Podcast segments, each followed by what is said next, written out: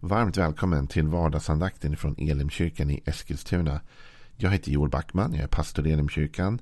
Om du vill veta mer om vår församling, vilka vi är, vad vi tror på och så vidare kan du gå in på www.elimkyrkan.com. Där hittar du kontaktuppgifter till oss, du hittar inspelade gudstjänster, bönesamlingar, allt möjligt, allt det vi har att erbjuda. Du kan också gå in på vår Facebook-sida och då är det facebook.com snedstreck Elim Eskilstuna. Eller så går du in på YouTube och så söker du upp då Elimkyrkan Eskilstuna. Då hittar du allt det vi har och vill få erbjuda till dig kostnadsfritt och gratis. Om du däremot vill stödja vardagsandakten då kan du göra det. Då hittar du uppgifter om det på elimkyrkan.com. Vi är i psalm 4 som vi kommer att avsluta den här veckan. Men vi har idag och imorgon på oss. En fantastisk psalm skriven av David eh, som handlar om hans bön till Gud. En, en bön, ett rop till Gud. Och vi läser hela den och så ska vi gå igenom lite nu slutet av detta. Då. För körledaren till stränginstrument, en psalm av David. Svara mig när jag ropar.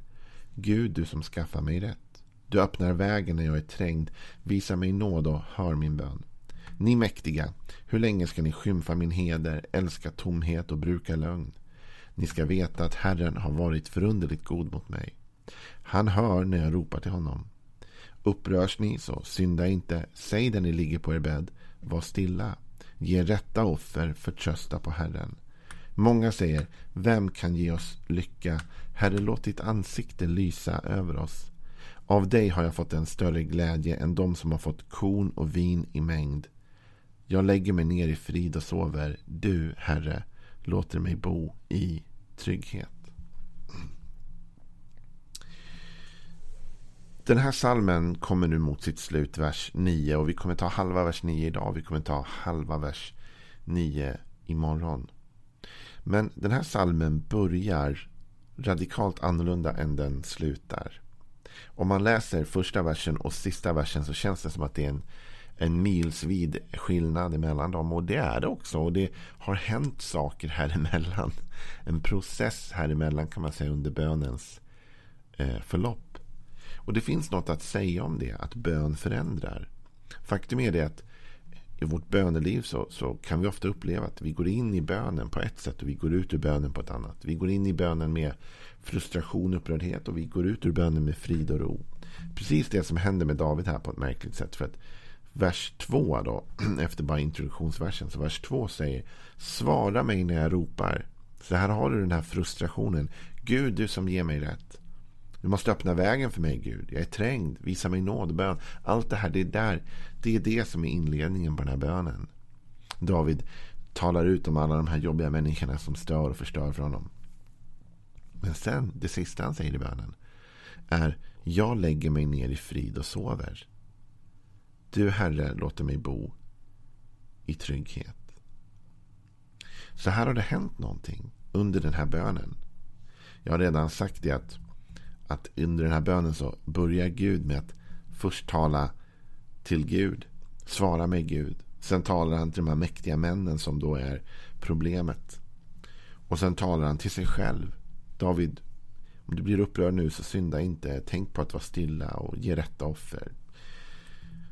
Och så pratar han om lycka och sen så kommer han nu ner till detta med frid och att sova. Jag lägger mig ner i frid och sover.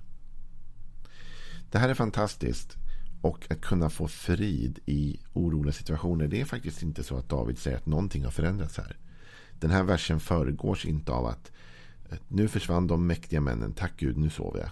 Det är inte så. Utan, utan mitt i detta, denna konfliktsituation, denna, denna plats.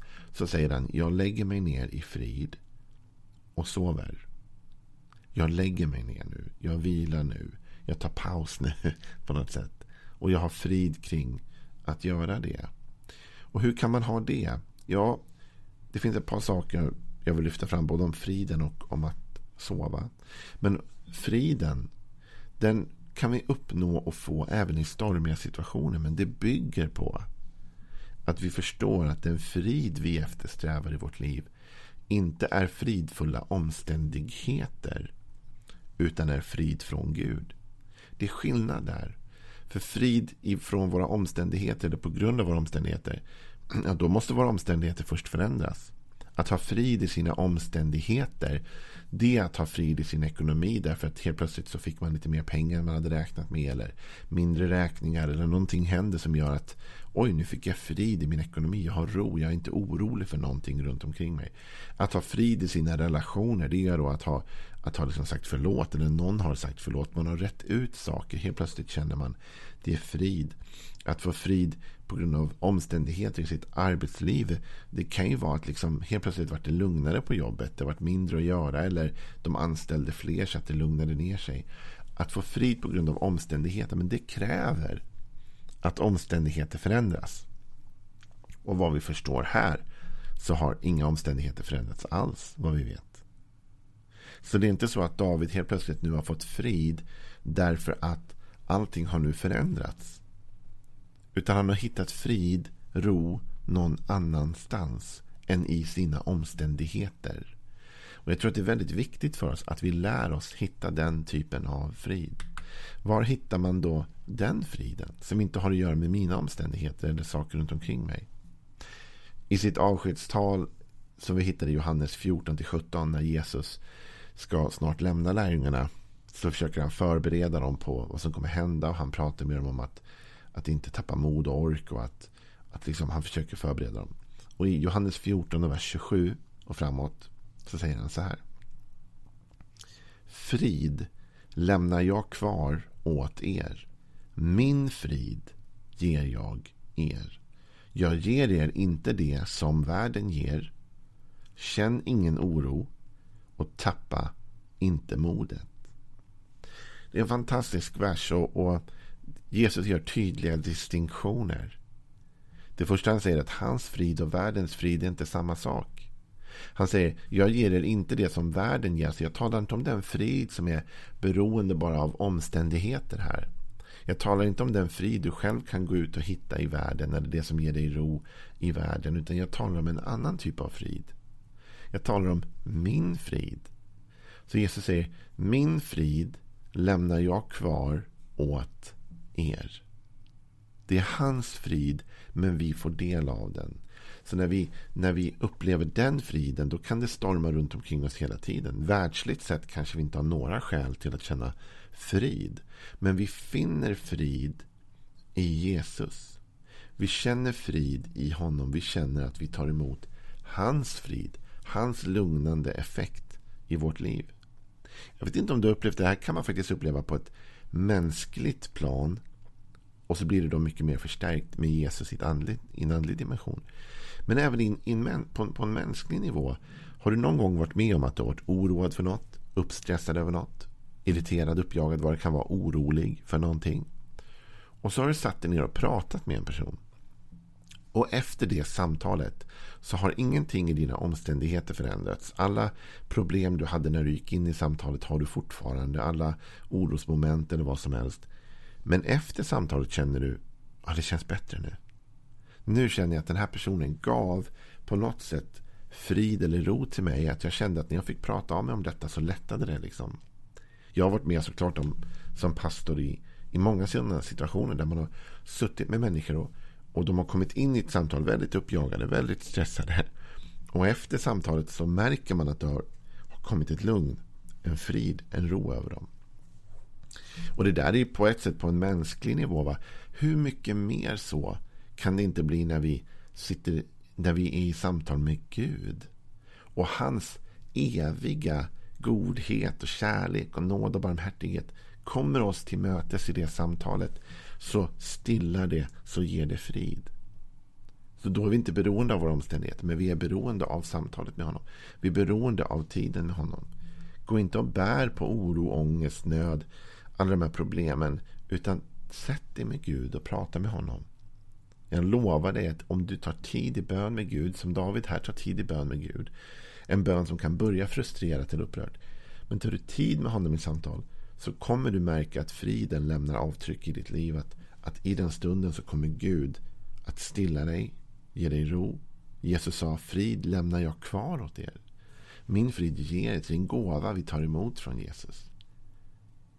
Då behöver vi inte känna oro och vi behöver inte tappa modet. Utan vi kan hålla upp modet.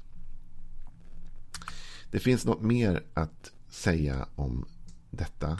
Och det kan man säga då har med egentligen att sova att göra. Vilket är lite märkligt kanske. David säger jag lägger mig ner i frid och sover. Alltså när man sover så är man ju, jag vet att hjärnan är aktiv och det, och det händer saker. Jag vet, jag fattar, vi andas och allt det där. Jag förstår de bitarna. Men ändå är ju så att sömn är ju ändå ett mått av tillstånd som, som har med passivitet att göra, eller hur? Vi är ju passiva när vi sover. Även om hjärnan skulle verka och även om, om liksom det händer saker i vår kropp. Men vi är ju inte aktivt ute och gör någonting. Ingenting händer när man går och lägger sig. Utan när man går och lägger sig så stannar ju på något sätt ens vardag till, till nästa dag. Va? Och man, man, man pausar, man sover, man tar ett break. Man vilar, man återhämtar sig. Att sova i bön eller att sova i relation till Gud. Det handlar inte om att på ett sätt vara passiv gentemot Gud. Men det handlar om att lämna över till Gud. Att sova handlar om att säga till Gud. Gud, nu släpper jag det här. Och du får ta det. Nu släpper jag det här. Och jag har överlämnat det till dig. Och jag låter dig nu driva detta. Jag kommer inte göra något mer just nu. För nu går jag in i sovmode. och sovmode är faktiskt oerhört mycket mer kopplat till tro än vad vi, vad vi förstår. Ofta. Det är en väldigt troshandling ibland att sova. När Jesus var på båten ute på sjön. Och vi läser i Bibeln att det börjar storma så väldigt. Att hans lärjungar tror till och med att den båt de är i ska gå under. Så står det att de går och letar efter Jesus och han ligger och sover. I stormen. Och de väcker honom och de säger Bryr du dig inte om att vi går under? Och Jesus säger att de är, är, är trosvaga. Har ni ännu ingen tro? Och Det visar att Jesus som hade tro, han sov. Han, han var inte orolig. Han hade överlämnat till Gud. Lärjungarna, de kunde inte sova. De var så oroliga. De hade ingen frid. De hade ingen ro. Jesus hade frid. Han hade ro och han sov. Han hade överlämnat till Gud. Jag vet att jag många gånger har sagt det här. Eh, men det tål att sägas igen. att en av de saker som ofta händer i min bön gentemot Gud är att jag ber om någonting. Om hjälp med något, om stöd med något. Och sen så när jag har bett färdigt så börjar jag direkt tänka hur jag kan lösa det här problemet själv. Och vid fler än ett tillfälle har jag hört den där inre rösten. Inte en hög röst som en människoröst. Men en inre röst, ett tilltal. Som jag förstår i Gud säga till mig. Skulle du eller skulle jag lösa det där Joel? Alltså med andra ord, jag har inte lämnat över den. Jag har inte gått och lagt mig. Jag har inte, har inte liksom valt att sova från den. Du och jag för att få frid måste lära oss att lämna över saker till Gud. Vi måste lära oss att säga Gud, det här får du lösa. Jag kan inte rå på de här människorna, de är för mäktiga för mig. Jag kan inte öppna en väg just nu, jag är trängd. Men Gud, du kan och jag lämnar detta till dig. Jag lägger över det här problemet, den här oron, den här bördan på dig. Och så går jag och sover istället. Och som jag sa, det handlar inte om en passivitet. Det handlar inte om att vi blir lata. Och, och att jag säger, du behöver inte göra något i ditt liv. Du behöver inte ta ansvar för något. Jag tror faktiskt att om vi följer Guds väg så kommer vi ha mycket att göra. vad jag tror. Gud sätter oss i arbete på olika sätt. Men nu pratar jag om att släppa oro och ångest och problem. Problem som vi inte kan lösa själva. När det har blivit för stort för oss.